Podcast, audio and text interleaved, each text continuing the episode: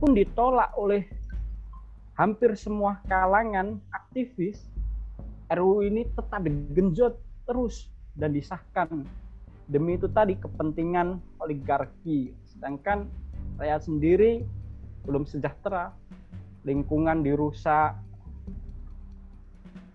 masyarakat ditindas. Di tengah situasi era modern ini yang lebih menonjol adalah bahwa penghuni bumi lebih banyak kita memiliki sebuah teknologi yang sanggup menciptakan kerusakan lebih besar dan lebih cepat dan kita memiliki sistem ekonomi yang tak kenal batas. Nah, kerusakan yang ditimbulkan hari ini begitu luas dan bukan cuma disebabkan uh, karena kemerosotan ekologi di tingkat lokal maupun regional. Nah, jika meminjam perkataan dari Fadli Angels, janganlah kita jumawa akan kemenangan manusia atas alam. Karena untuk setiap kemenangan seperti itu, alam akan membalasnya kepada kita. Memang setiap kemenangan pada saat pertama bahwa hasil-hasil yang kita inginkan, tetapi pada saat kedua, ketiga, dampak-dampaknya akan berbeda. Alam sendiri yang akan menyeimbangkan manusianya karena terlalu banyak dieksploitasi. Nah, mungkin nanti lebih dalam terkait bagaimana hukum omnibus law dalam perspektif ekologi ataupun lingkungan akan langsung disampaikan oleh Cak Irfan. Kepada Cak Irfan langsung saja kami persilakan. Baik, uh, Assalamualaikum warahmatullahi wabarakatuh. Waalaikumsalam warahmatullahi wabarakatuh. Alhamdulillah alamin. Wassalatu wassalamu ala asrafil anbiya muslimin wa ala ali wa ashabihi ajma'in amma ba'du. Uh, kadar hijau Muhammadiyah DIY dan kawan-kawan semua yang saya hormati. Alhamdulillah pada malam hari ini kita bisa duduk bareng-bareng dalam suasana serba tidak pasti ya. Kita mau itikaf, dilarang itikaf gitu. Jadi kita itikaf sambil ngobrol-ngobrol saja. uh, saya sebenarnya dikontak oleh teman-teman DJ ini sejak dua minggu lalu. Tapi karena minggu kemarin itu saya memang transisi pindahan dari Bandung dari Lampung ke Bandung saya baru bisa mengiyakan malam ini. Dan saya sangat apresiasi sekali uh, komunitas ini. Dan saya berharap komunitas hijau ini makin banyak di beberapa provinsi. Karena kita akhir-akhir ini uh, berada dalam posisi civil society makin lemah. Dan kemarin pengesahan undang-undang minerba lempeng aja gitu. Kayak jalan tol kan nggak ada ria riu gitu. Jadi menurut saya itu kekalahan lagi gitu uh, tapi tetap harus uh, bangun optimisme ikhtiar.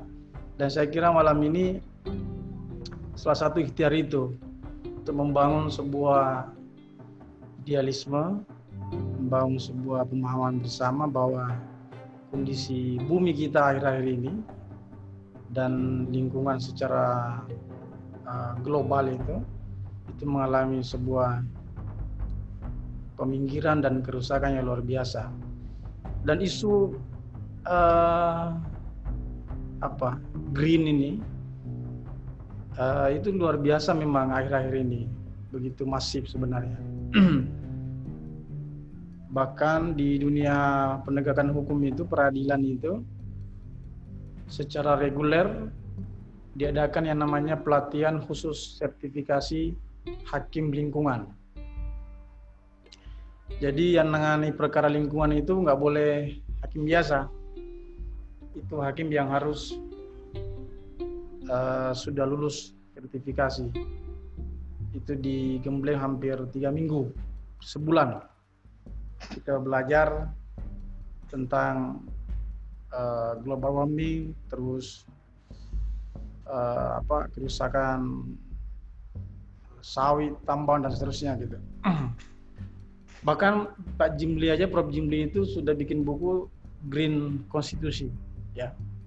Jadi ini memang apa namanya sebuah isu yang terus digulirkan seiring dengan memang masifnya kerusakan itu gitu. Dan desain perusakan itu itu sudah sampai pada level politik hukum kita sebagaimana yang dibahas tadi di awal bahwa uh, rancangan omnibus law apa cipta kerja ya istilahnya itu itu memang mendesain uh, lebih berorientasi pada kemudahan investasi. Jadi di pasal 22 itu saya juga kaget baru tadi tadi sore saya buka-buka lagi. Memang visi dari uh, omnibus law khusus di kaitannya dengan apa isu lingkungan itu dia akan merombak Undang-Undang 32 tahun 2009 dengan menyebut bahwa dalam rangka memberikan kemudahan bagi pelaku usaha dalam memperoleh persetujuan lingkungan, undang-undang ini mengubah, menghapus, atau menetapkan pengaturan baru. Memang agak ngeri-ngeri sedap rupanya visinya. Ini bisa ditampilkan ya, catatan-catatan saya bisa ya? Lewat mana ini? Itu Cak, lewat di share screen itu.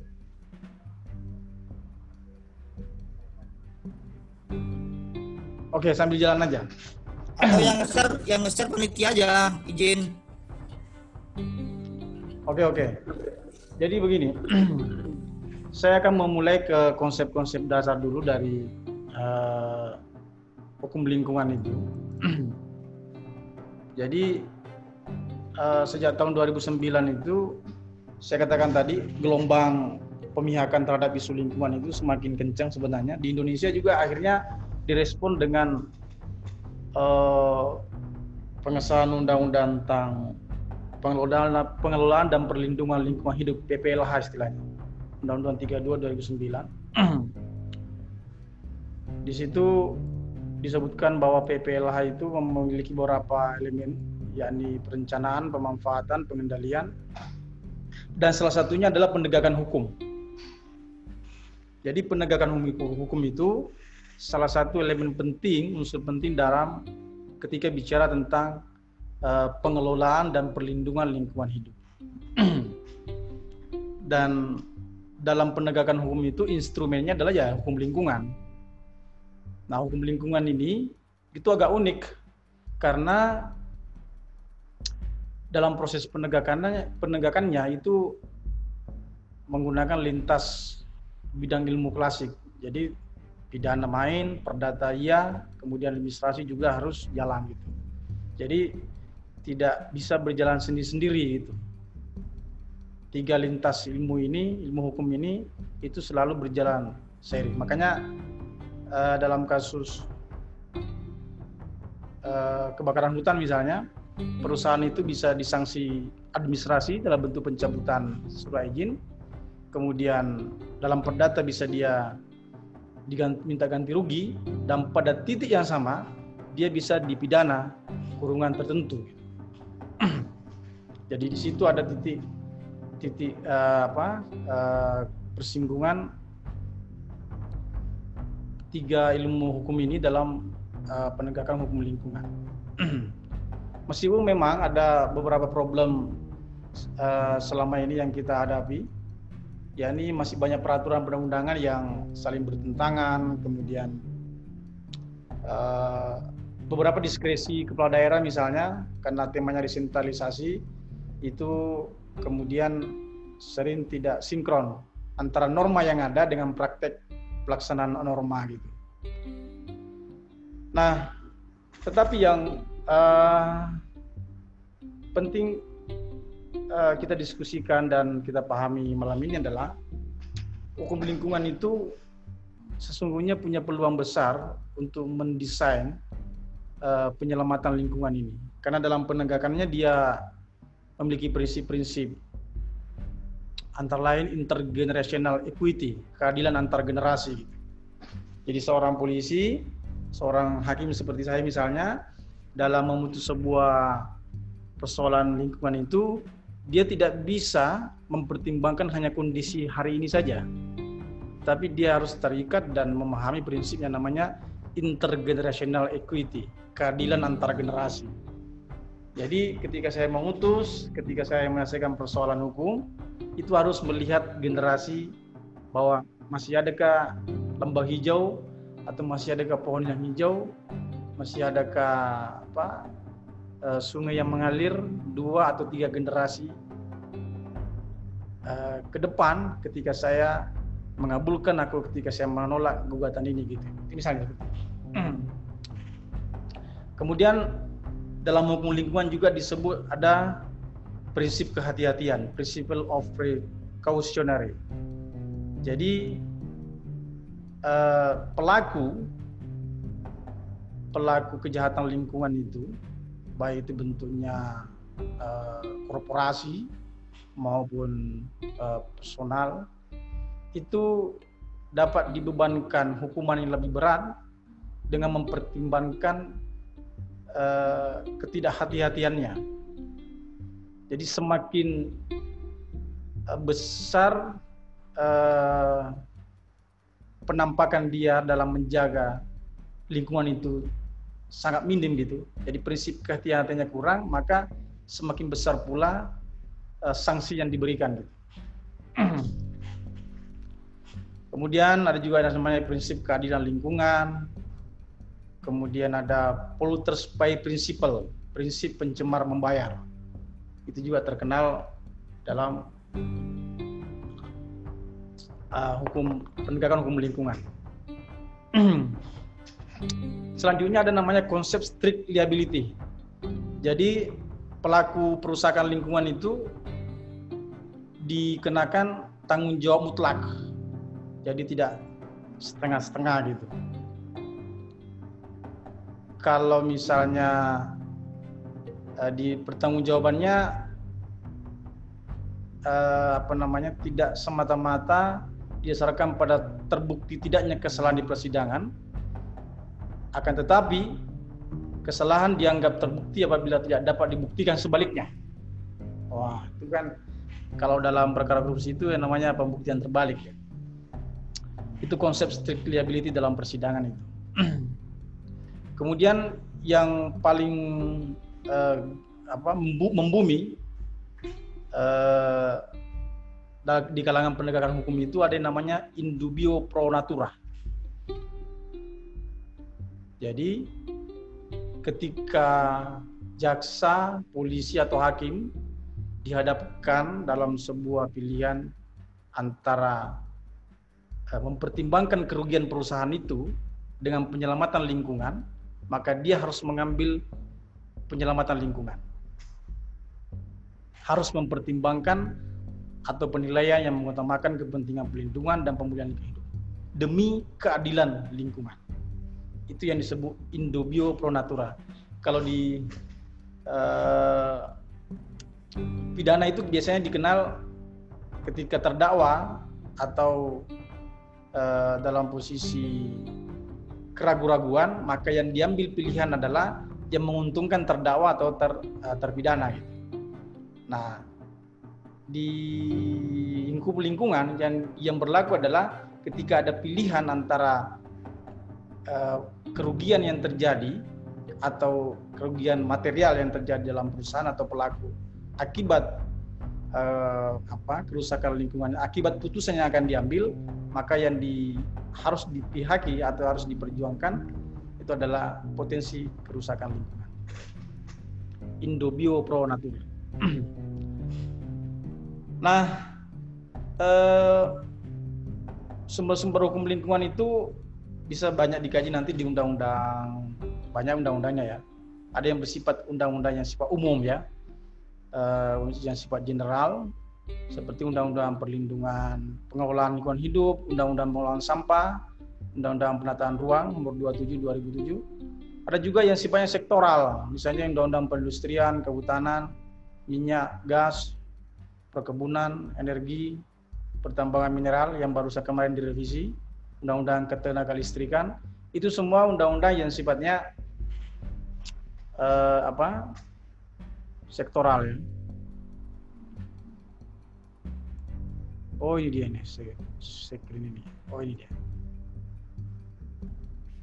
Ini ya, kelihatan gini ya? Udah kelihatan? Sudah mas. Sudah ya? Kelihatan, Nah, kelihatan, kelihatan aman, aman, aman. Oke.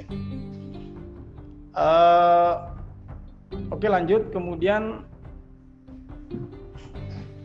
nah ini yang biasa dalam konteks eh, environmental litig- litigation itu macam-macam ya. Misalnya apa nih komunitas hijau ini ingin mengajukan sebuah apa gugatan atau sengketa itu sudah bisa dalam bentuk constitutional review pe- pengajuan judicial review ke itu konstitusi. Kemudian judicial review eh, itu pengujian peraturan ke Mahkamah Agung. Termasuk dalam hal ini PT UN juga itu bentuknya judicial review. Cuma bedanya judicial review di Mahkamah Agung itu bentuknya per- bentuknya regeling peraturan. Sementara di PT UN itu bentuknya basicing Eh, ini yang sebenarnya menjadi kegelisahan saya terus terang saja karena pasca jihad konstitusi yang banyak membatalkan putusan-putusan eh sorry undang undang yang merusak lingkungan pas zaman Pak Dimni itu itu kan yang waktu itu yang sempat dibatalkan ya? Eh, undang-undang air minerba kemudian eh, apa gitu? Ada berapa? Ada lima kalau nggak salah gitu. Putusan MK itu itu kemudian di stakeholders Muhammadiyah apakah itu PWM-nya, PDM-nya atau ortotomnya tidak ada yang menindaklanjuti putusan-putusan MK itu. Eh, dalam level pengujian terhadap peraturan daerah atau peraturan menteri atau peraturan presiden yang sebenarnya masih memiliki semangat dalam konteks air misalnya monopoli air masih berlangsung. Kemudian minerba eh, apa pengaruh utamaan terhadap izin-izin tambang yang berpuluh-puluh tahun itu masih terjadi gitu.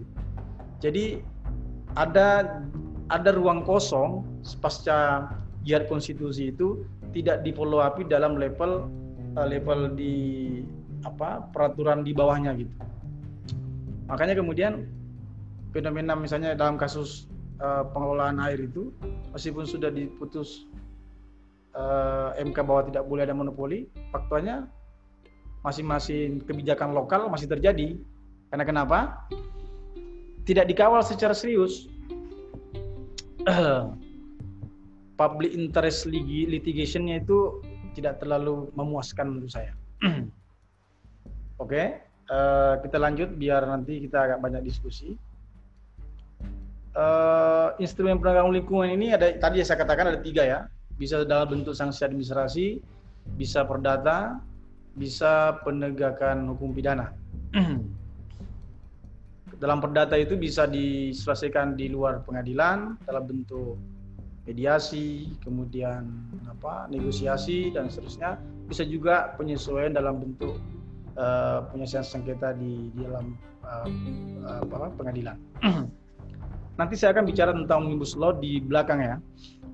Setelah pemaparan yang sifat-sifatnya apa konseptual normatif. nah, di mana keterkaitan tiga ini di dalam undang-undang uh, lingkungan itu? Misalnya yang pertama penegakan hukum perdata lingkungan hidup tidak wajib didalui dengan penerapan sanksi administrasi. Jadi kalau minta ganti rugi ya udah. Kalau anda merasa dirugikan dengan sebuah apa uh, tindakan korporasi yang merusak uh, lingkungan tidak harus menunggu dicabutnya izin atau adanya sanksi peringatan dan seterusnya, perdata bisa masuk gitu.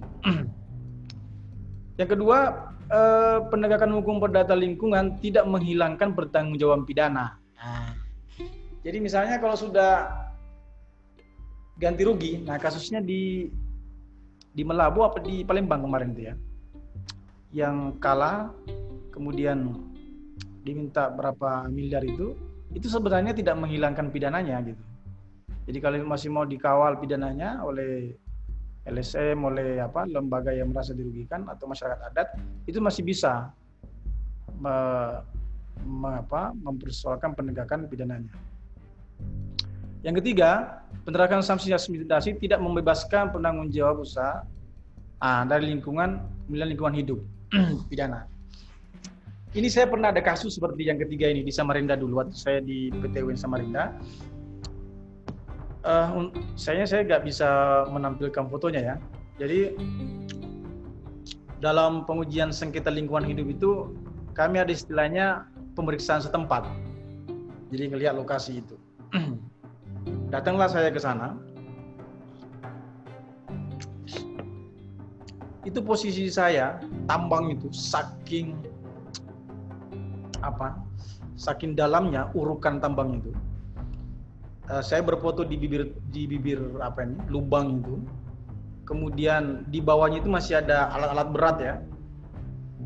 Itu saya menengok ke bawah alat berat itu seperti besarnya kayak korek api aja. Saking apa uh, besar dan dalamnya pengerukan itu nah waktu itu sebuah LSM menggugat sebuah perusahaan dengan dalil bahwa si perusahaan ini tidak melakukan reklamasi pasca uh, mengeruk atau apa ya mengeksploitasi galian tambang di kalau ada ada yang dari Kalimantan Timur atau Samarinda di forum ini itu tepatnya uh, di Bukit Suwarto sebelum masuk Bukit Suwarto kalau dari Samarinda menuju Balikpapan kita belok kiri itu masuk ke dalam. Itu masuk Kutai Kertanegara. Masuk kawasannya Bupati Ria apa? Bupatinya Kartanegara kemarin yang ditangkap korupsi itu Pak. Uh, itu masuk kawasan di situ. Nah, dalilnya itu adalah dia minta dibatalkan izinnya. Tapi problemnya adalah meskipun izinnya dibatalkan, itu justru menguntungkan si perusahaan karena dia tidak terbebani lagi untuk me, e, mereklamasi galian lubang galian yang sudah dia lubangi itu. Maka kemudian prinsip yang ketiga ini, sanksi administrasi tidak membebaskan penanggung jawab usaha kegiatan dari tanggung jawab pengadilan pidana gitu. Jadi harusnya masyarakat atau LSM yang bersangkutan itu mengejar uh, tindakan yang tidak mereklamasi itu. Karena kalau hanya membatalkan izin selesai, cuma sampai di situ saja gitu. Nah, maka kasus di Kalimantan Timur itu uh, akibat tidak direklamasi itu kan banyak anak-anak kecil yang meninggal karena lubang-lubang yang seperti sungai itu itu banyak memakan korban. Nah di situlah muncul peluang adanya pertanggungjawaban uh, pidana. Kemudian penegakan hukum pidana baru dilakukan apabila telah, apabila telah diterapkan sanksi administrasi dan tidak ditaati. Jadi uh, sanksi administrasi uh, apa namanya pidana itu bersifat ultimum remedium uh, jalan terakhir setelah uh, penerapan uh, sanksi administrasi.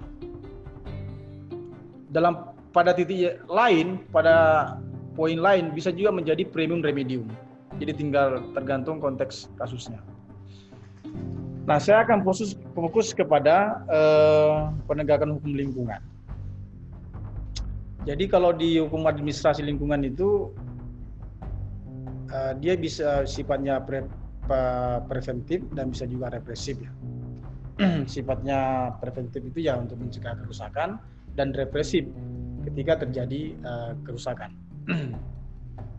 ketika terjadi uh, apa namanya pelanggaran itu. Nah inilah yang kemudian menjadi isu menarik di omnibus law itu, karena kewenangan uh,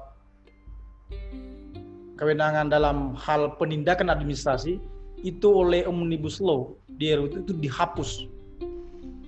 Ini betul-betul menurut saya RUU yang membuat ambiar gitu. Jadi penindakan administrasi itu di nanti yang saya tunjukkan pasalnya itu dihapus oleh omnibus law. nah, sengketa lingkungan hidup itu itu perselisihan antara dua pihak atau lebih yang timbul dari kegiatan yang berpotensi atau berdampak pada lingkungan hidup. Jadi gugatan administrasi itu tidak hanya ketika terjadi kerusakan lingkungan, tapi ketika berpotensi itu sudah bisa melahirkan yang namanya legal standing karena ada potensi kerugian. Ini ini bedanya dengan gugatan-gugatan biasa. Gugatan biasa itu ketika ada uh, keputusan itu baru bisa mengajukan gugatan ketika kerugian itu sudah nyata. Tapi dalam kasus lingkungan, misalnya seorang bupati memberikan izin kepada perusahaan untuk uh, menambang, kemudian masyarakat adat sekitar mempertimbangkan dan bisa dengan tentunya dengan apa uh, masukan dari pakar yang menunjukkan bahwa penambangan yang akan dilakukan oleh si perusahaan tersebut itu akan berpotensi merusak lingkungan dan mencembari maka sesungguhnya masyarakat adat atau komunitas itu itu sudah bisa mengajukan gugatan ke. Ketika perusahaan atau operasional itu belum memunculkan sebuah dampak sebuah kerusakan. Tetapi istilah dalam undang-undang itu telah ber, yang berpotensi dan atau telah berdampak. Nah, ini menarik sebenarnya. Bagi saya uh, visi penyusun undang-undang ini, ini cukup progresif, ya, uh, karena itu ada prinsip tadi itu asas kehati-hatian di situ. Jadi si pemberi keputusan dalam ini eksekutif itu harus mempertimbangkan kehati-hatian dalam menerbitkan sebuah izin atau konsesi.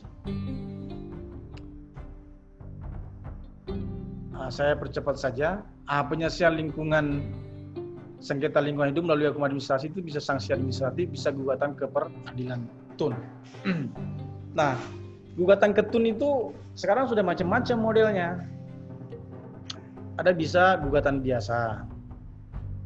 Ada sebuah keputusan ada izin yang dipersoalkan uh, itu bisa digugat. Ada juga misalnya sikap diam seseorang atau bupati atau pejabat seharusnya dia mengeluarkan sebuah keputusan tapi dia tidak keluarkan keputusan atau IMB itu misalnya Anda mengajukan IMB kemudian si bupati atau kepala dinas tidak menerbitkan maka dia bisa digugat karena tidak mengeluarkan sebuah keputusan yang seharusnya dia keluarkan. Itu yang namanya fiktif positif. Jadi itu juga. Kemudian gugatan penyalahgunaan wewenang juga bisa diajukan ke PT Jadi uh, sebuah seorang uh, pejabat tun, apakah itu gubernur, dianggap menyalahgunakan kewenangannya maka itu juga bisa diajukan uh, gugatan ke PT UN. Nanti kita diskusikan soal formal format itu. nah, sanksi administrasinya bisa bentuk teguran tertulis, bisa paksaan dan seterusnya. Oke. Okay? Sekarang saya akan masuk ke omnibus law.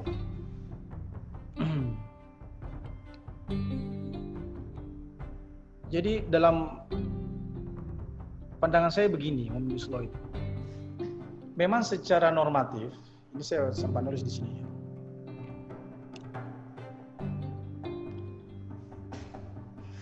perundang-undangan kita itu itu memang terlalu banyak secara kuantiti ya. Akhirnya kita mengalami yang namanya hiperregulasi. Karena kenapa? Karena setiap pejabat yang baru, baik itu DPR, kemudian menteri, presiden, baru dianggap gagah dan berhasil kalau buat bikin aturan baru gitu, ketika dia bisa dilantik tanpa memperhatikan eh, apa namanya substansi penambahan peraturan perundang-undangan itu. Akhirnya tumpah tindih, tumpah tindih, kemudian tidak sinkron dan seterusnya. Maka secara ideal normatif ahli hukum sepakat perlu adanya solusi terhadap gejala hiperregulasi. Hiperregulasi banyak. Dan itu sudah dikeluhkan beberapa apa baik dalam konteks penegak hukum maupun uh, akademisi gitu. Masalahnya solusi omnibus law dalam hal mencegah atau mengobati hiperregulasi itu itu ideologi dan filosofinya itu tidak fokus pada mengurangi gejala hiperregulasi. Tapi tujuannya mempermudah investasi ekonomi mendorong pertumbuhan ekonomi. Jadi orientasinya ekonomi oriented ini agak sedikit uh, menjadi persoalan. Maka muncul persoalan baru dari kebijakan omnibus law ini yakni uh, menerabas betul semua hal yang menghalangi datanya investor dan mengganggu pertumbuhan ekonomi termasuk kebijakan-kebijakan yang sebenarnya memelihara dan melindungi dan mengelola lingkungan ini agar tetap agar tetap lestari, tetap damai gitu, seperti kewajiban AMDAL, UKL, UKP dan seterusnya, itu dihapus karena dianggap menghambat investor. Nanti saya akan tunjukkan betapa kalimat-kalimat di RUU itu itu betul-betul pro dan sangat apa namanya menyesakkan hati. Dalam kasus pelindungan kesejahteraan buruh misalnya, maka visi Omnibus Law itu bukan ke buruh, tapi bagaimana investor nyaman. Di sektor pertanian, pertanian misalnya, Omnibus Law akan mendorong industrialisasi yang secara pasti mengurangi lahan pertanian. Dari sisi produk, petani bakal main, makin terpinggirkan karena Omnibus Law membuka keran investor yang lebih terbuka. Yang paling parah misalnya di lingkungan di kawasan lingkungan seperti di Kalimantan dan lain-lain, itu uh, saya pernah mengalami memang pengujian tentang apa izin-izin di Kalimantan itu. Uh, saya bisa pahami betapa ribetnya seorang pengusaha itu untuk uh, mendapatkan izin dan seterusnya. Tetapi kalau dilempengkan juga itu juga berbahaya gitu. Uh, jadi memberikan jalan apa jalan jalan yang mulus yang terbuka bagi investor itu juga akan banyak.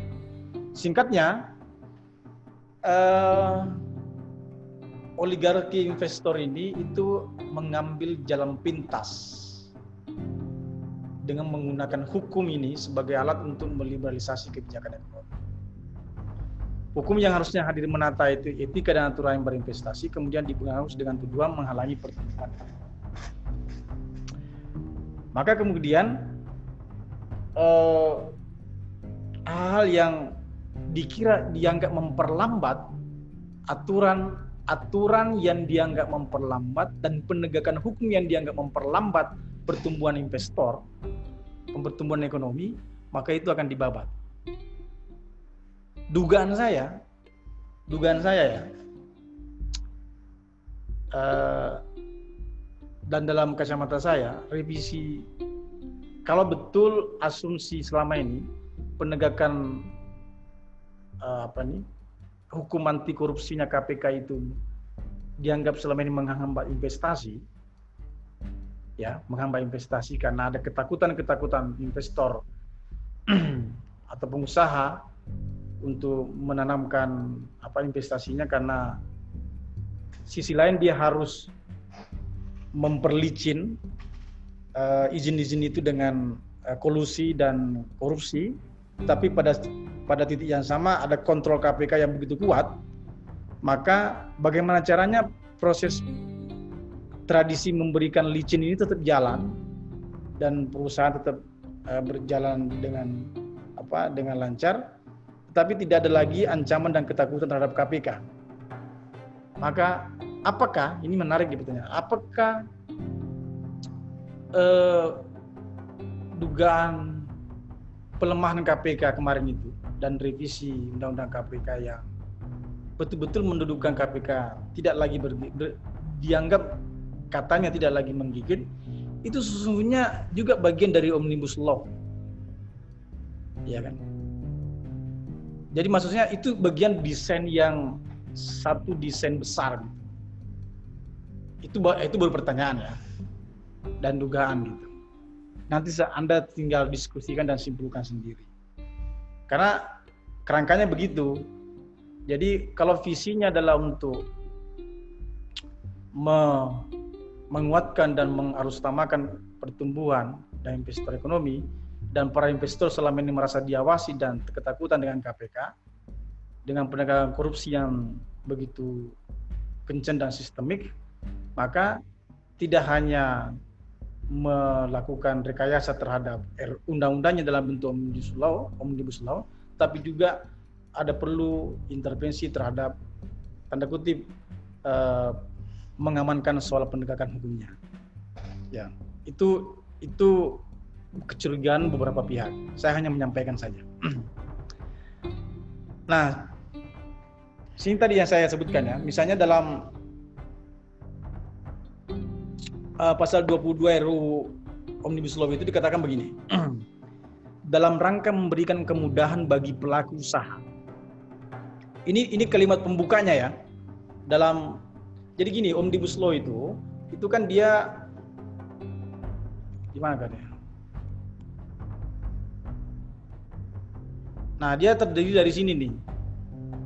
Luar lingkup undang-undangnya. Malam ini saya hanya membahas yang terkait soal lingkungan saja di pasal 22 kalau nggak salah di RUU itu. Jadi tidak mungkin kita bahas A sampai J ini. Tapi hanya soal uh, isu lingkungan saja itu pun terbatas beberapa poin saja ya. Nah, saya ingin mengajak, mengajak mulai mencermati beberapa pasal misalnya.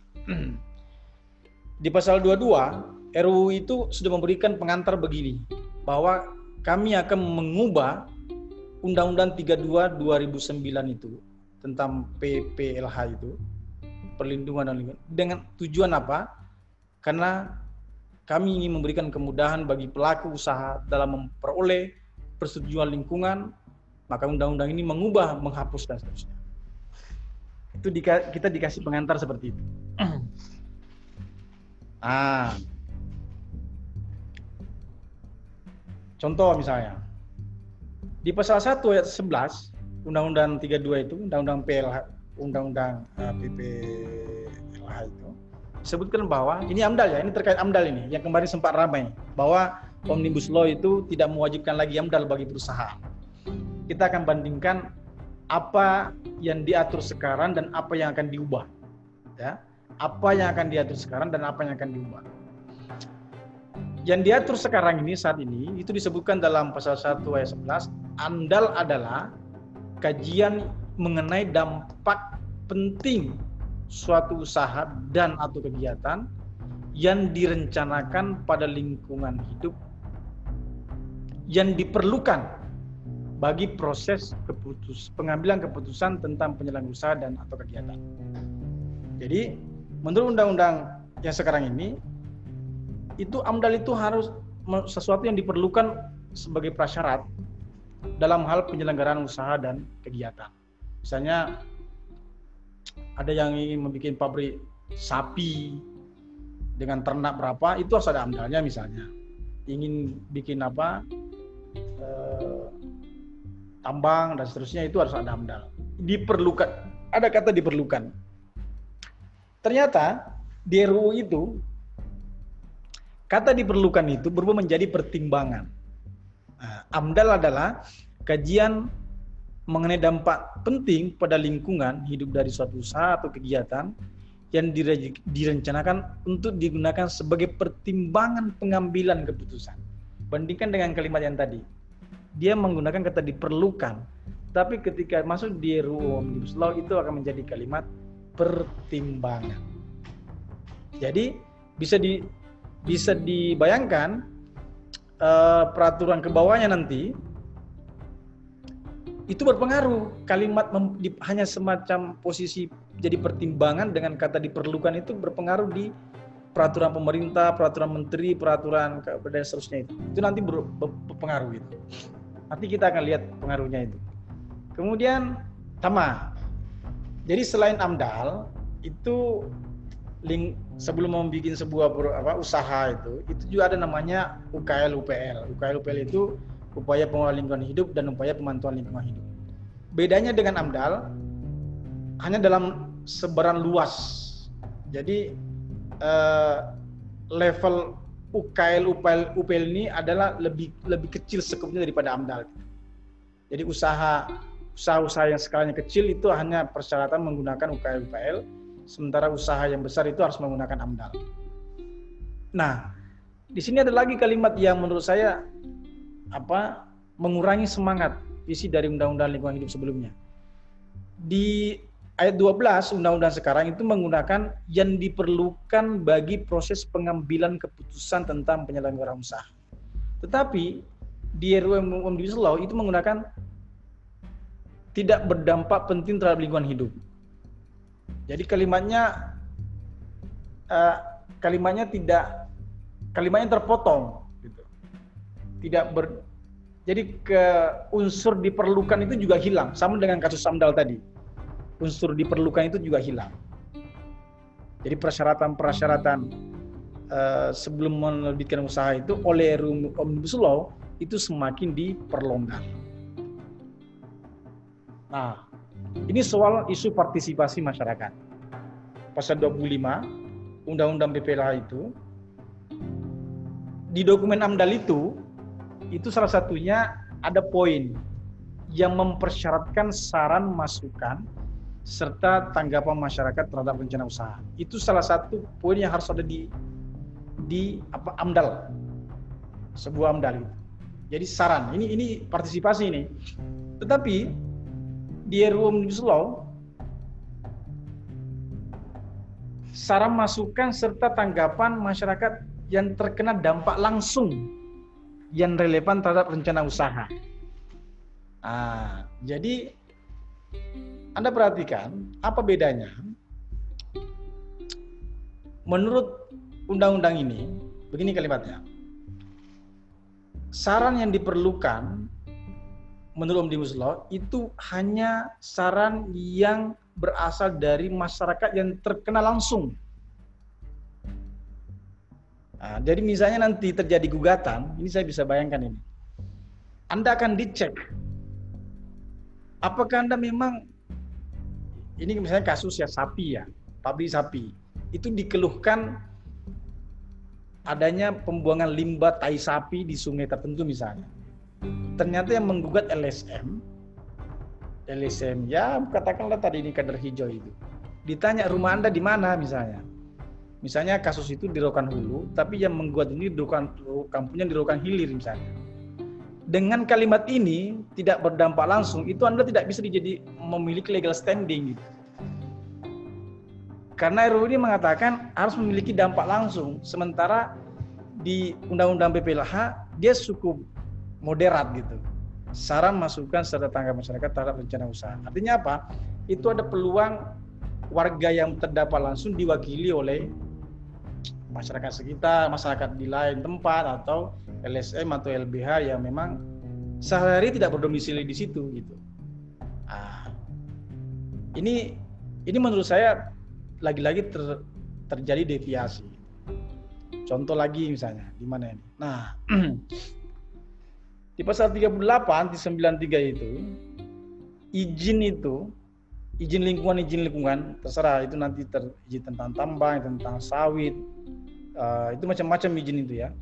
Itu kalau bermasalah dan ada persoalan dalam pelaksanaan itu dapat dibatalkan di PT.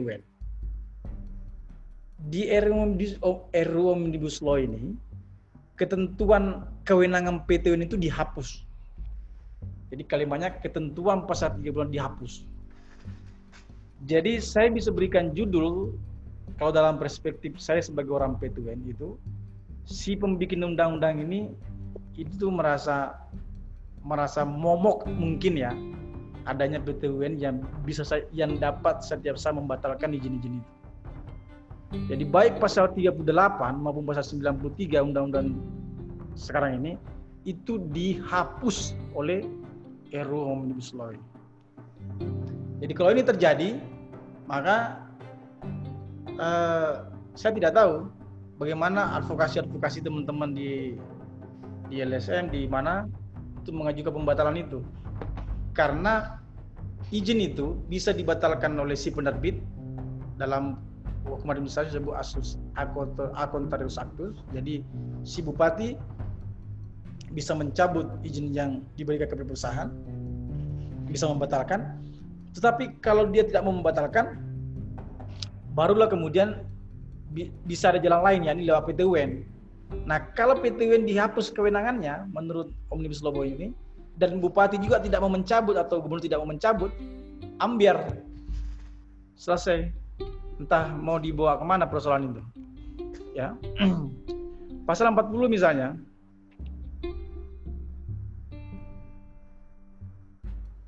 izin lingkungan merupakan persyaratan. Oh ini tentang ya definisi izin lingkungan ya. Ah ini. Izin lingkungan merupakan persyaratan untuk memperoleh izin usaha dan kegiatan. Ini ketentuan pasal 40 dihapus. Jadi untuk memperoleh izin usaha yang selama ini menjadi uh, apa izin lingkungan merupakan syarat oleh undang-undang ini dihapus. Selanjutnya pasal 55 pemegang izin lingkungan sebagaimana dimaksud wajib menyediakan dana penjaminan untuk pemulihan. Nah, ini yang kaitannya tadi saya katakan reklamasi. Clear and clean. Jadi begini, perusahaan tambang itu, ini kasus tambang ya, itu ketika mendapatkan izin di undang-undang yang sekarang itu harus menyediakan dana penjaminan untuk pemulihan fungsi lingkungan salah satunya nanti dipakai untuk reklamasi gitu. Itu undang-undang yang sekarang. Nah, dalam RUU ini ada kata berusaha gitu. Saya agak bingung kalimat ini. Pemegang perizinan berusaha wajib menyediakan dana. Yang mau diambil berusaha atau wajibnya gitu. Wajib menyediakan. Kalau yang di di undang-undang sekarang itu jelas wajib menyediakan dana itu gitu. Tapi di konteks Omnibus Law ini itu tinggal berusaha. Berusaha itu ya kalau Anda tidak punya ya sudah. Kalau Anda punya ya syukur kan gitu. Nah, nah berikutnya adalah ada perubahan kebijakan setting dari desentralisasi menjadi sentralisasi. Jadi menteri gubernur bupati yang selama ini mengeluarkan izin itu sekarang ini aturannya dapat memaksa gitu ya penanggung jawab untuk melakukan pemulihan lingkungan hidup akibat pencemaran. Apabila terjadi pencemaran, itu menteri, gubernur, bupati itu bisa gitu. Nah, omnibus law itu mencabut kewenangan pejabat-pejabat itu dan diambil alih oleh pusat. Nah, jadi dalam logika oligarki, kalau Anda membaca ini, itu sebenarnya para oligark-oligark itu lebih mudah mengendalikan itu. Karena dia cukup memegang kepala satu kepala kan. Jadi pemerintah pusat saja. Dia tidak tidak banyak lagi eh, apa namanya berhadapan dengan para bupati yang mungkin dia menganggapnya diperas atau para gubernur dan seterusnya gitu. Tapi pada sisi lain, ini juga berbahaya. Ketika pemerintah, pusat tadi sudah punya visi mempermudah dan memperlancar itu, apa pun yang terjadi, dia tidak akan melakukan sebuah peringatan, dia tidak akan melakukan sebuah uh, hukuman atau sanksi gitu. Akhirnya yang mungkin bakal terjadi begini misalnya, penambangan ugal-ugalan di Rokan Hulu misalnya, itu ketika bupatinya teriak, Oh tidak didengarkan oleh pemerintah pusat. Oh itu urusanmu.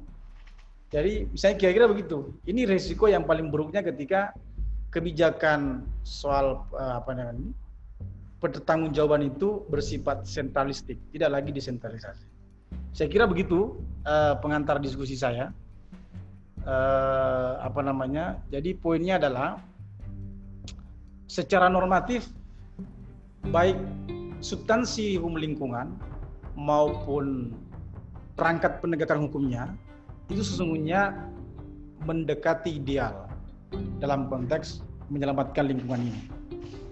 Ya, sayang sekali memang eh, kesempatan saya katakan kesempatan gitu, kesempatan untuk memperdebatkan atau eh, menguji perilaku-perilaku ugal-ugalan para perusahaan lingkungan itu belum terlalu banyak diuji di kontestasi hukum formal. Gitu. Makanya kalau ada kelas, biasanya kan ada ada kelas pengajaran, ada tujuan institusionalnya ya, bahwa setelah pembelajaran ini pelaj apa uh, peserta didik dapat begini begini begini. Nah kalau saya setelah diskusi ini maka uh, komunitas hijau Muhammadiyah ini, kader Muhammadiyah ini itu di lokal-lokal lokal-lokalnya mereka itu sudah bisa mengajukan sebuah keberatan, protes secara konkret gitu. Baik melalui ombudsman, lewat PT Lewat eh, sifat-sifat advokasi yang sifatnya konkret gitu. Jangan terlalu lama memperdebatkan dan mengkampanyekan isu-isu tapi tidak sampai pada level langkah-langkah litigasi, langkah eh, tadi itu yang saya katakan diperdebatkan lewat mekanisme formal hukum. Itu menurut saya lebih lebih elegan dan memberikan pembelajaran yang bagus bagi masyarakat gitu.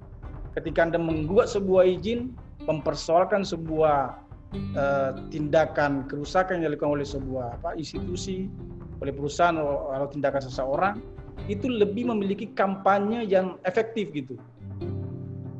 Tidak usah dulu mempersoalkan soal kalah menangnya di pengadilan, itu soal lain gitu. Tapi Anda berdebat dan bisa mempertentangkan kebijakan keputusan itu, itu sesungguhnya sebuah edukasi yang otentik. Sementara itu, terima kasih. Baik, terima kasih Pak Irfan Mawardi pada malam hari ini telah menyampaikan terkait dengan omnibus law dalam perspektif lingkungan yang memang menarik begitulah yang fakta yang terjadi pada hari ini. Mungkin dari teman-teman peserta grup pada malam hari ini mau menanggapi saya buka tiga tanggapan dulu ataupun yang mau bertanya. Nanti kalau ada yang mau bertanya ataupun menanggapi langsung di apa namanya di chat ya nanti saya persilakan nah. dan juga untuk Cak Irfan nanti terkait dengan materinya ini bisa di share ya PPT-nya ini ada oh, yang minta dari Mas Subarkah Dwi Bakti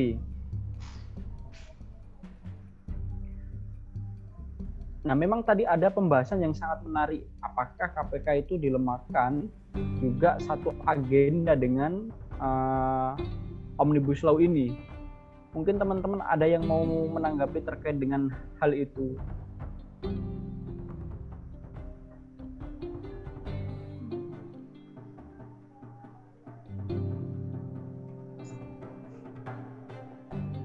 Padahal di tengah situasi pandemi COVID-19 ini yang semua orang dirumahkan itu DPR malah mengesahkan undang-undang minerba. Nah, ini dewan perwakilannya rakyat atau dewan perwakilan dari oligarki.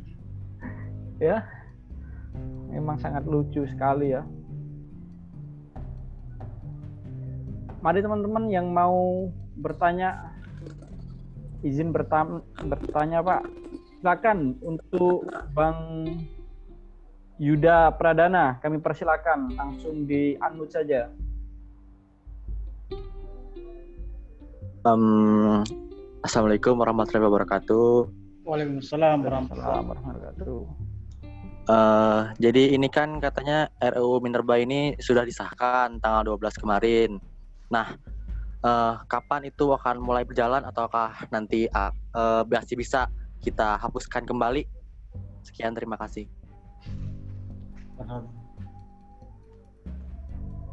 Gimana Mas Irfan langsung dijawab atau nunggu dua pertanyaan lagi? Uh, itu itu ada Frankie Song juga mau nanya itu Mas. Ya, Kanda Frankie, silakan langsung saja untuk disampaikan biar lebih enak ya. Langsung Oke. Okay. Oh. Terima kasih. Perkenalkan nama saya Alvin Jarkas Hussein Harahap. Sebenarnya cuman Frankie Jong itu nama email agar lebih ini agar lebih tidak mudah dilacak oleh Zoom karena akhir-akhir ini Zoom sangat berbahaya. Jadi pertanyaan saya begini Mas, dalam kondisi dalam kondisi hari-hari ini banyak sebenarnya kebijakan pemerintah yang sangat ambiar ya. Terlebih-lebih ini menunjukkan bahwa di tengah situasi pandemi COVID-19 ini bahkan kekuatan civil society itu sengaja dikebiri oleh peng Bagaimana kalau kemudian desentralisasi yang seharusnya bupati, gubernur atau menteri itu memiliki otonomi kebijakan dalam mengambil keputusan, itu dicabut haknya oleh pemerintah pusat. Lalu bagaimana kemudian kita berjuang kalau bagi teman-teman mahasiswa yang tidak mampu untuk menempuh atau melewati jalur hukum seperti di petun yang disampaikan sama narasumber tadi, lalu apakah parlemen jalanan di tengah kondisi hari ini masih memungkinkan untuk dilaksanakan? Seperti kita dengarkan misalnya salah satu contoh di luar undang-undang apa RU Omnibus Law seperti tentang kenaikan BPJS yang sebenarnya sudah dicabut dan dibatalkan oleh Mahkamah Agung tapi kemudian dinaikkan kembali oleh pemerintah pusat. Ini menunjukkan betapa arogansinya kekuasaan atau pemerintah pusat yang sangat tidak berdaulat akibat intervensi daripada imperialisme. Jadi apa yang semestinya dilakukan dalam kondisi hari-hari ini? Terima kasih.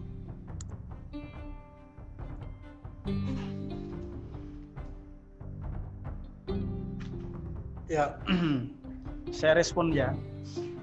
Uh, soal berlakunya Undang-Undang Minerba ini, saya terus terang belum baca uh, secara detail ya materi-materi apa saja yang apa namanya berubah dalam Undang-Undang Minerba ini. Tapi uh, pengalaman saya uh, soal pelaksanaan undang-undang minerba di lapangan itu, terutama dalam uh, apa namanya penerbitan izin tambang itu itu sangat erat sekali kaitannya dengan dinamika politik lokal ya uh, sekali lagi saya belum bisa merespon secara detail ya tapi saya ingin uh, berdiskusi soal persoalan tata perizinan tentang uh, mineral dan batu bara ini. Pengalaman saya dulu di, di apa di Samarinda. Jadi rupanya izin tambang itu betul-betul semacam alat transaksional dengan elit lokal di apa namanya di tengah kontestasi eh, apa elektoral lima tahunan itu. Jadi begini, jadi saya misalnya bupati, saya punya cukong yang namanya eh, perusahaan A gitu. Kemudian perusahaan tambang A, saya saya berikan konsesi dia dengan tentuan dia mendukung uh, proses pensuksesan saya menjadi bupati di sebuah kabupaten. Nah, dalam ke, dalam kasus ini saya itu sempat mengalami kejayaan di kabupaten itu dengan partner perusahaan ini. Perusahaan ini tumbuh dengan bagus itu, uh, batu baranya gitu dan seterusnya. Gitu ketika menjelang pilkada juga berusaha mensukseskan saya. Ternyata dalam pilkada saya kalah. Saya kalah. Ternyata lawan saya itu lebih kuat lagi cukongnya gitu. Dan apa yang apa yang terjadi? Lawan saya ini kemudian memberangus semua izin-izin yang pernah saya keluarkan atas nama cukong yang uh, pernah saya beri izin itu. Maka beralihlah dan batallah semua izin-izin itu gitu. Saya tidak terima kemudian mengajukan gugatan ke PT UN. Sorry, bukan bukan saya yang nggak terima. Si Cukong ini yang nggak terima. Cukong saya gitu. Karena dibatalkan izinnya oleh bupati baru gitu. Karena wajar dong, karena dia punya Cukong sendiri gitu. Dia punya Cukong sendiri, dia terbitkan. Akhirnya si bupati yang terpilih ini dan Cukongnya juga berkembang dan menikmati kemenangannya selama lima tahun. Dalam kejadiannya, ini kejadian real ini, itu bupati yang saya maju lagi gitu, saya maju lagi dan saya menang dan saya batalkan lagi izinnya Cukong si bupatinya lawan saya. Dan itulah yang terjadi. Dan setiap pembatalan yang tidak diterima ya kontestasinya di PT UN memang. Dan di situlah saya menyimpulkan bahwa itu salah satu problem Eh, dari uh, politik hukum perizinan undang-undang minerba kita di level daerah. Nah, uh, saya tidak yakin bahwa dengan kualitas politik lokal kita, sistem sistem pemilihan lokal kita sekarang itu, itu bisa menutup praktek oligarki itu. Saya tidak yakin. Saya termasuk tidak yakin dengan model pembiayaan politik kita yang sangat mahal gitu. Setiap kontestasi elektoral daerah yang begitu menguras banyak biaya, maka apalagi nanti uh, tidak ada lagi beban-beban yang mempersulit izin itu, saya kira saya kira koalisi antara pengusaha dengan penguasa lokal itu semakin semakin mesra gitu. Dan peluang penegakan hukumnya juga semakin kecil karena secara aturan dia sudah dipermudah memang. Oh, sifat. Ya. Kemudian uh, kalau dikatakan misalnya tidak setuju tentang undang-undang minerba itu, ya secara formal ya tinggal di di aja di Mahkamah Konstitusi kan. Uh, kalau kemudian yang bermasalah di penerapan level regulasi di bawahnya, di bawah undang-undang nanti, misalnya dalam bentuk peraturan bupati atau peraturan menteri atau peraturan gubernur, tinggal di judicial review ke Mahkamah Agung. Ya kan? Atau dalam bentuk nanti surat basicingnya atau surat keputusan bupati yang bermasalah, maka tinggal diajukan kepada PT UN. Jadi begini, saya tidak mempromosikan PT ya, tetapi menurut saya forum pengadilan ini, inilah forum yang paling demokratis menurut saya untuk mengkontestasikan antara kepentingan warga dengan eh, keputusan-keputusan pemerintah yang bermasalah. Di situlah ruang yang bisa menguji gitu. Karena keputusan-keputusan tadi itu kalau dia di, tanpa bermaksud mengurangi rasa hormat saya sebagai sama lembaga om, ombudsman itu nggak bisa mengeksekusi tidak bisa memutuskan bahwa keputusan itu batal atau tidak. Itu hanya di PT UN. Jadi ombudsman itu hanya memberikan semacam uh, apa ya pressure, statement pressure bahwa dia harus begini, dia harus begitu gitu. Tetapi pengujian litigasinya sebuah keputusan itu ada di di PT UN. Nah makanya menurut saya saya, saya dorong tadi kali, apa teman-teman yang di lembaga apa uh, nirlaba ini maksudnya LSM dan seterusnya itu sering-seringlah berjuang di lajur konformil gitu. Ah, undang-undang masalahnya kan tidak tidak mudah gitu mengajukan gugatan uh, gugatan-gugatan hukum itu.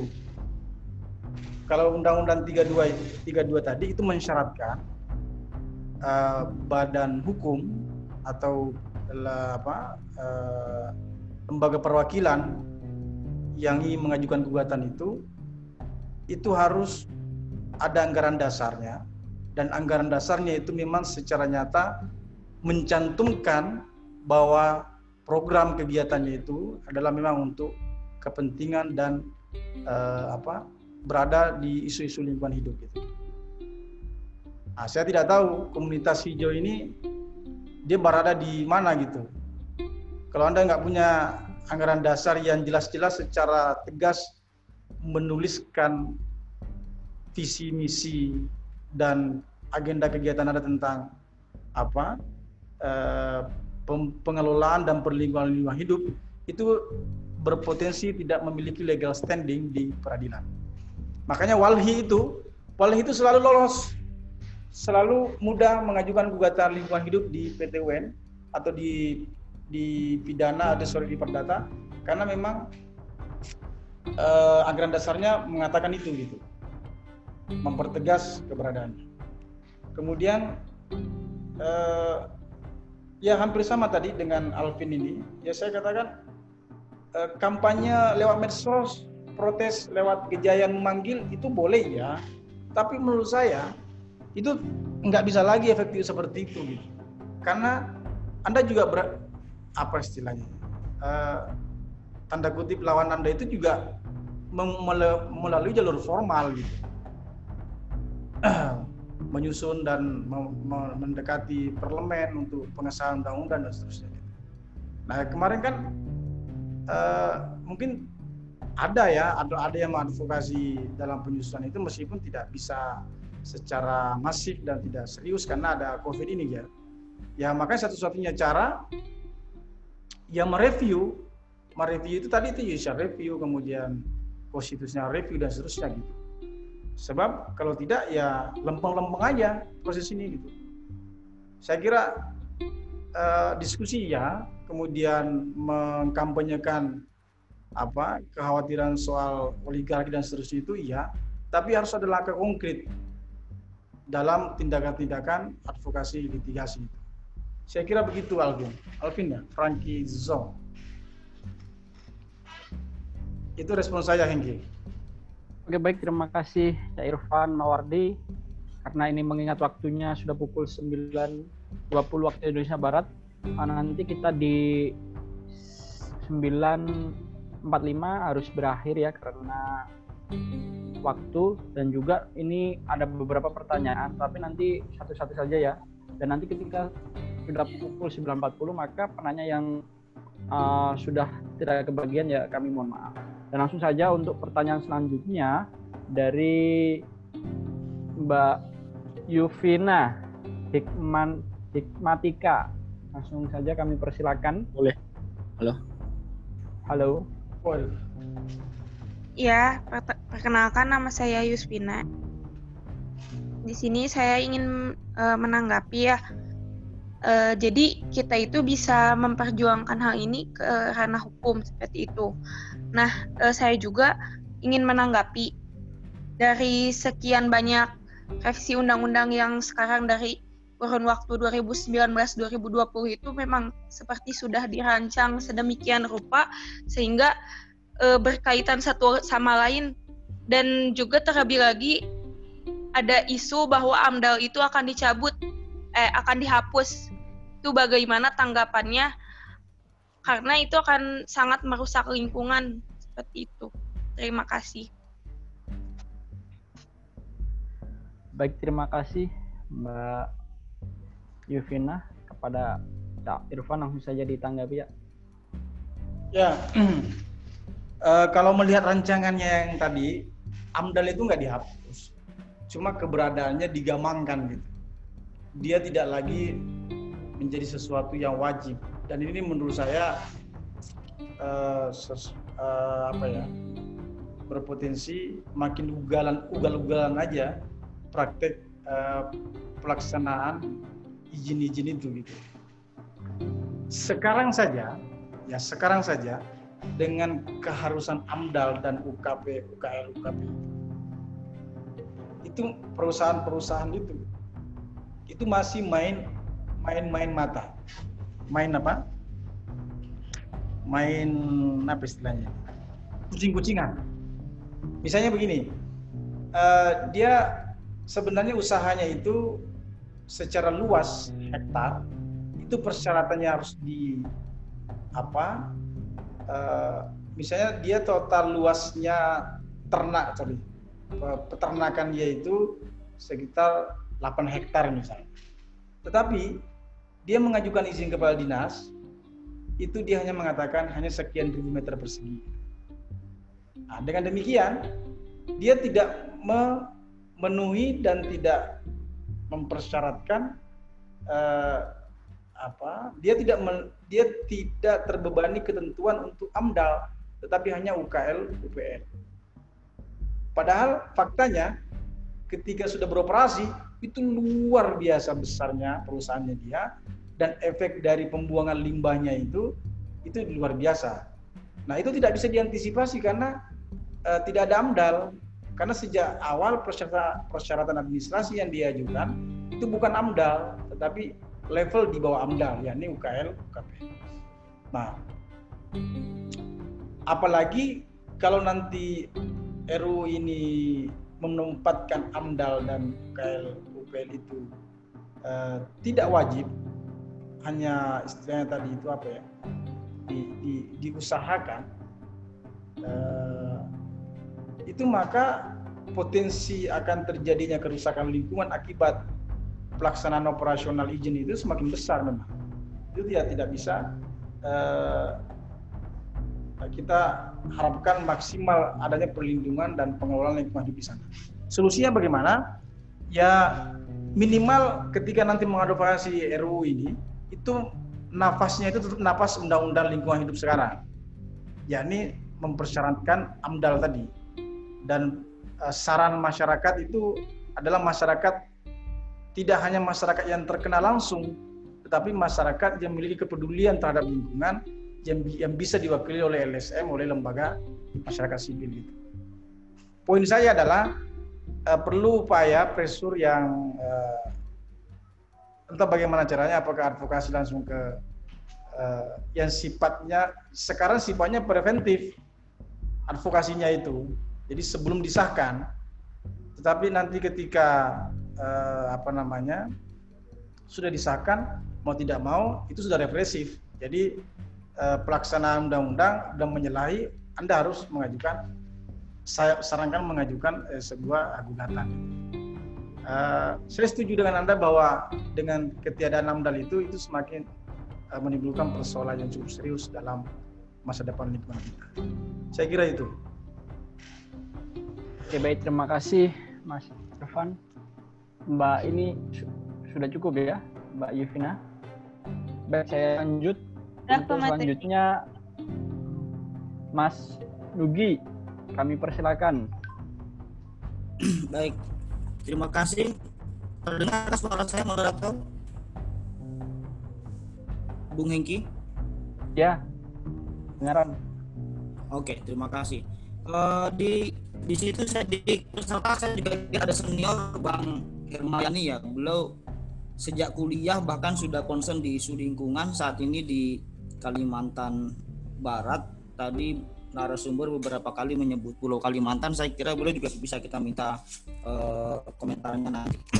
saya saat ini bekerja di sebuah lembaga demokrasi. Eh, lebih kurang sekitar dua tahun belakangan inilah ya secara formal begitu tapi kalau di sebelumnya lebih ke konteks masyarakat sipil seperti teman-teman kader hijau dalam konteks pembangunan demokrasi sekarang eh, yang perlu diperhatikan saya kira oleh kawan-kawan yang bergerak di kader hijau dan juga mungkin teman-teman yang lain adalah bagaimana kita bisa mendesain agar kontestasi politik itu eh, memberikan stressing pada isu lingkungan hidup. Sayang kita kan belum ada misalnya eh, ideologi partai yang nampak concern di salah satunya misalnya isu lingkungan gitu.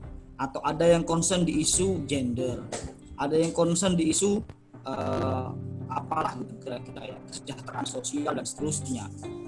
Nah, dalam ruang publik seperti kampanye misalnya amat sedikit sekali kita lihat untuk tidak mengatakan tidak ada sama sekali begitu baik kontestasi di level nasional, Pilpres, DPR RI, DPD ataupun pemilu di level lokal seperti pilkada yang mau kita diskusikan, mau kita laksanakan, itu jarang sekali calon kepala daerah itu yang membicarakan soal lingkungan hidup.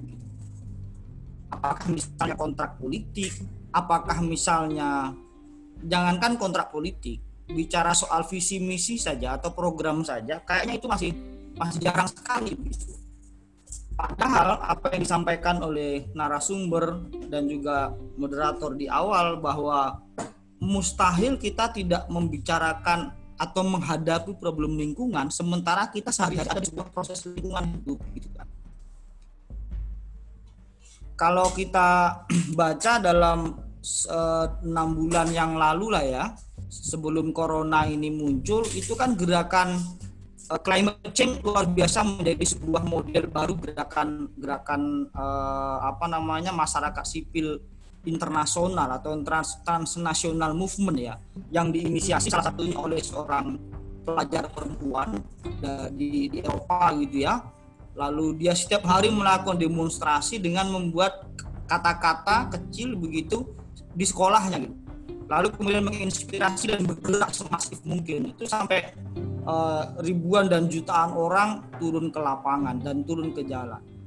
Nah kalau tadi banyak berdiskusi narasumber pada aspek uh, advokasi legal formal atau uh, yang berbasis dengan advokasi hukum, saya kira teman-teman uh, di kader hijau berkontribusi terhadap upaya advokasi di, di aspek non litigasi juga gitu Tadi kan disebut oleh narasumber organisasi seperti Walhi itu memiliki legal legal formal untuk melakukan proses gugatan di, di pengadilan begitu. Tapi tidak kalah pentingnya juga saya kira membangun kekuatan advokasi di level eh, apa namanya di luar di luar hukum gitu ya, membangun opini publik, membangun kesadaran dan seterusnya. Saya kira teman-teman kader hijau eh, bisa berada di situ saya pikir uh, saya pikir itu saja yang bisa saya sampaikan. Sebenarnya menarik kalau teman-teman kader hijau juga tadi merespon kalimat dari narasumber misalnya uh, kan ada kaitan antara kebijakan kepala daerah yang terpilih dari proses elektoral berhubungan dengan proses pra terpilih gitu ya. Itu kan tadi Pak narasumber menyampaikan itu Pak Hakim, Pak Pak Irfan ya bahwa ada misalnya kontrak politik dengan pengusaha lalu berkorelasi dengan penguasa kemudian setelah penguasa menduduki jabatannya maka muncullah kebijakan-kebijakan eh, apa tadi izin-izin yang kemudian sangat berkontradiksi dengan gerakan lingkungan gitu kira-kira. Nah itu bisa diulas menjadi sebuah diskusi khusus itu bagaimana kebijakan dan kebijakan lingkungan hidup berhubungan dengan uh, demokrasi atau pilkada. Saya kira uh, dari saya itu dan saya sangat ber, berapresiasi sekali atas forum ini dan saya berharap tadi ada senior itu Bang Hermayani mungkin bisa dikasih kesempatan dan juga ada aktivis laut itu Pak Mul itu kan uh, aktivis peng, peng, penginap apa kelautan itu ya dia soal terumbu karang soal apa macam-macam dia dia bisa berbicara juga itu. Terima kasih uh, saudaraku Hengki, saya kembalikan. Terima kasih ya. Mas Nugi atas statement yang telah diberikan. Selanjutnya langsung saja buat Mas Mulyadi kami silakan. Halo Mas Mulyadi. Habis ini Bang Hermayani yang ini yang minta. Iya. Uh. Bang Mulyadi, bisa terhubung?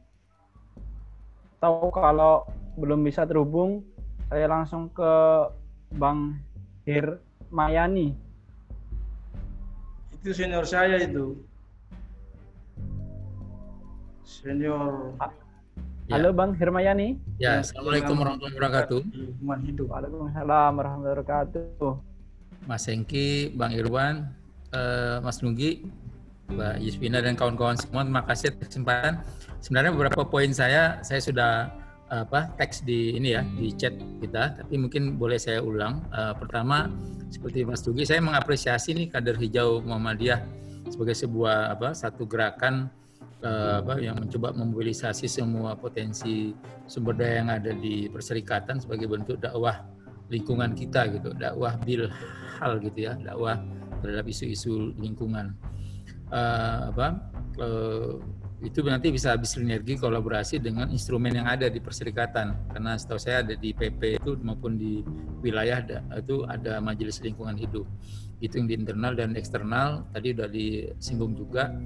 Kalau terkait advokasi kalau istilahnya Pak Din itu jihad konstitusi kita kita bisa berkolaborasi juga dengan kawan-kawan yang memang sudah stated di apa uh, visi misinya main di ranah advokasi walhi kemudian uh, lembaga yang tempat saya bekerja sebelumnya web juga untuk beberapa isu uh, walaupun mungkin lebih soft advokasinya juga uh, banyak kerja di situ Jatam, uh, Forest Watch dan yang lain-lain. Uh, itu poin saya yang pertama. Yang kedua memang kalau me, apa, membahas omnibus law yang kita kaji malam ini, uh, saya lihat memang pemerintah kita uh, apa uh, proses regimentasinya itu memang cenderung mengabaikan ya, mengabaikan sesuatu yang sebenarnya sudah diratifikasi oleh pemerintah sendiri 2015 dan yang meratifikasi juga yang sekarang masih memerintah gitu kan. Artinya 2015 itu kan periode Jokowi dan sekarang masih dilanjutkan oleh uh, apa uh, Jokowi setelah terpilih lagi. Nah saya melihat uh, itu uh, menjadi inkonsisten gitu ya. Uh, ketika kita meratifikasi SDG Sustainable Development Goal sebagai kelanjutan dari uh, Millennium Development Goal. Nah, uh, objektif yang ke-17 itu kemitraan strategis itu memang sesuatu yang uh, dikatakan sebagai pendekatan baru uh, dan itu didesakkan oleh kawan-kawan aktor non negara tadi sudah singgung oleh Bung apa Bung Mugi dalam konstelasi percaturan ekonomi politik uh, internasional global. Uh, yang apa yang di situ saya melihat omnibus law ini cenderung menerabas itu semua sehingga uh, pendekatan pembangunan berbasis hak right based approach itu uh, semakin jauh dari apa apa yang mau kita uh, apa galang sebagai sebuah negara bangsa gitu ya. Terutama di karena kalau bicara pendekatan hak sipil apa uh, hak hak warga gitu ya hak uh, hak asasi itu kan lebih banyak hak politik dan hak sipil saja yang lebih banyak dimunculkan. Tapi hak ekonomi sosial budaya itu nyaris terpinggirkan dalam apa agenda besar pembangunan kita. Sehingga uh, penerjemahan tentang isu-isu sosial ekonomi uh, apa budaya itu nyaris tafsir sepihak oleh uh, siapa yang punya kekuasaan.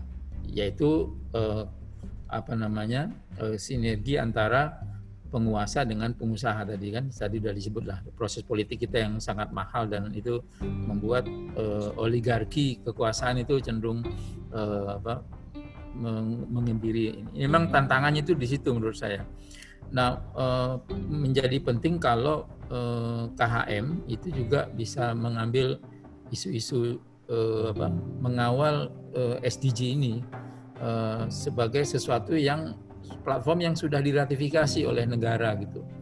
Nah, kenapa kemudian negara inkonsisten kemudian menerbitkan uh, omnibus law untuk apa menerabas semua perizinan persyaratan yang dianggap mem, uh, mempersempit. Nah, patut diingat bahwa hari ini bumi ini sudah meminjam hak generasi yang akan datang uh, terkait dengan uh, carrying capacity daya dukung dan daya tampung lingkungan sebagaimana yang banyak disebut di Undang-Undang Pengelolaan dan uh, Pengembangan Lingkungan Hidup dan 2009. Menurut saya undang-undang itu sudah sangat-sangat ideal, dengan memang harus dikawal uh, eksekusi dan realisasinya di di lapangan gitu. Nah itu saja sih beberapa apa concern dari saya. Uh, betul Bang Irfan itu memang harus dikawal. Kita harus banyak main di apa uh, aspek legal ya dalam proses advokasinya itu mungkin itu dulu dari saya, uh, Bang Hengki sebagai moderator. Terima kasih. Assalamualaikum Terima kasih Bang Hermayani. Ya. Lanjut aja, jangan lain lagi. Baik, terima kasih Bang Hermayani. Ini juga ada Mbak Leti ataupun Bang Jordan ada. Mbak Kotimun. Tidak ada ya. Mas Salman Alfaris. Halo Mas Salman.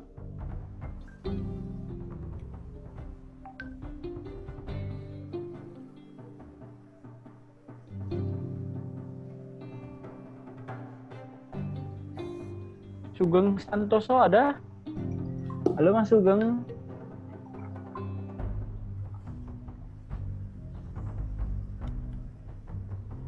Baik, kalau teman-teman sudah tidak ada terkait dengan penyampaian ataupun tidak ada yang ingin menyampaikan statementnya, kami akan mengembalikan ke pemateri untuk closing statement. Saya tanya sekali lagi buat para peserta diskusi dari pada malam hari ini, silakan jika mau bertanya kami beri satu kesempatan lagi.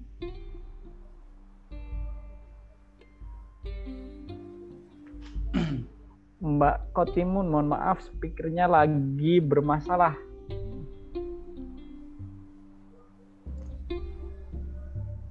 Baik, gimana kawan-kawan? Oke, uh, saya terima kasih kepada Bang Hermayani. Saya setuju bahwa beberapa ketentuan yang sudah diratifikasi diadopsi menjadi undang-undang, Bang, itu memang menjadi melenceng ketika uh, visi omnibus law ini kemudian menerabas apa namanya berbagai macam ketentuan-ketentuan dan ratifikasi itu saya menduga bahwa memang terjadi pergeseran ideologi Bang Hermayani dalam berbangsa kita ini. Jadi kita tidak tahu sesungguhnya ideologi bangsa ini itu ideologi sosialis, ideologi kapitalis, ideologi kerakyatan ketika memandang RUU ini gitu. Jadi itu sebenarnya pertanyaan yang paling fundamental gitu. Sama hanya ketika kita dihadapkan oleh kebijakan-kebijakan COVID ini gitu uh, uh, bagaimana pilihan antara penyelamatan jiwa, kesehatan, dan nilai kemanusiaan dengan pilihan orientasi kepada ekonomi gitu. Kita lihatlah kebijakan-kebijakan itu akhir-akhir ini. Saya kira uh, wujud formal dari langkah penyusunan RUU ini juga bagian dari adanya pergeseran visi kebangsaan dan ideologi bangsa kita. Dan itu juga hanya berpengaruh pada uh, apa komitmen dan visi kita terhadap pengelola pengelolaan dan uh, perlindungan lingkungan hidup kita perlu mempertanyakan ulang gitu makanya teman-teman yang muda inilah yang apa yang bisa mengingatkan uh, rezim ini uh, untuk meluruskan kembali uh, apa komitmen awal berbangsa para founding fathers. Nah ada beberapa pertanyaan yang satu pertanyaan yang saya respon di kolom chat itu yang mengatakan bahwa apa, apa yang ini juga menjadi berespon saya sebagai closing statement ya. Uh, apakah ada konsekuensi yang fatal jika kita kalah dalam proses litigasi? Tidak ada yang fatal menurut saya.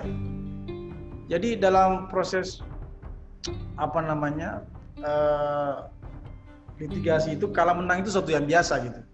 Tapi bagi saya uh, campaign tentang apa penyelamatan bumi ini itu harus sampai pada proses litigasi supaya uh, masyarakat itu memper uh, masyarakat itu tahu gitu bahwa terjadi kesalahan kebijakan terjadi uh, apa namanya uh, penyimpangan terhadap kebijakan-kebijakan di level lingkungan gitu sebab kalau tidak itu hanya akan menjadi isu dan gosip saja gitu dan menjadi asumsi-asumsi saja.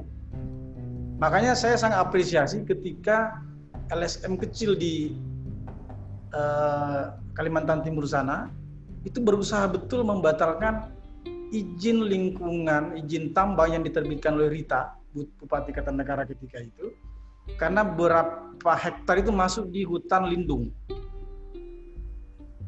Jadi uh, secara penampilan lembaga itu sederhana, tetapi efek dari tindakan dia karena putusan itu kemudian mengubah posisi uh, atau penyelamatan lingkungan terhadap hutan lindung itu sangat pengaruh gitu. Makanya uh, Ross Kupon itu kan mengatakan hukum itu menjadi social engineering itu. Dia merekayasa uh, nilai-nilai sosial masyarakat kita. Nah, bagi saya uh, penegakan hukum yang diinisiasi dan dimotori oleh masyarakat sipil itu dengan sendirinya akan terjadi rekayasa masyarakat yang memihak dan peduli terhadap lingkungan gitu. Ini kan kita kalah kalah perrekayasaan aja gitu. Jadi state kemudian uh, apa namanya uh, uh, pemodal itu mampu merekayasa dengan lobby-lobby di parlemen gitu. Dan banyak kekuatan kan yang bermain gitu. Jangan sampai kemudian mengatakan ah nggak usah lah ngajukan gugatan karena pasti kita kalah. Itu soal hasil menurut saya. Tapi proses yang penting bahwa ada edukasi di sana gitu. Dan isu apa pun menurut saya itu gitu.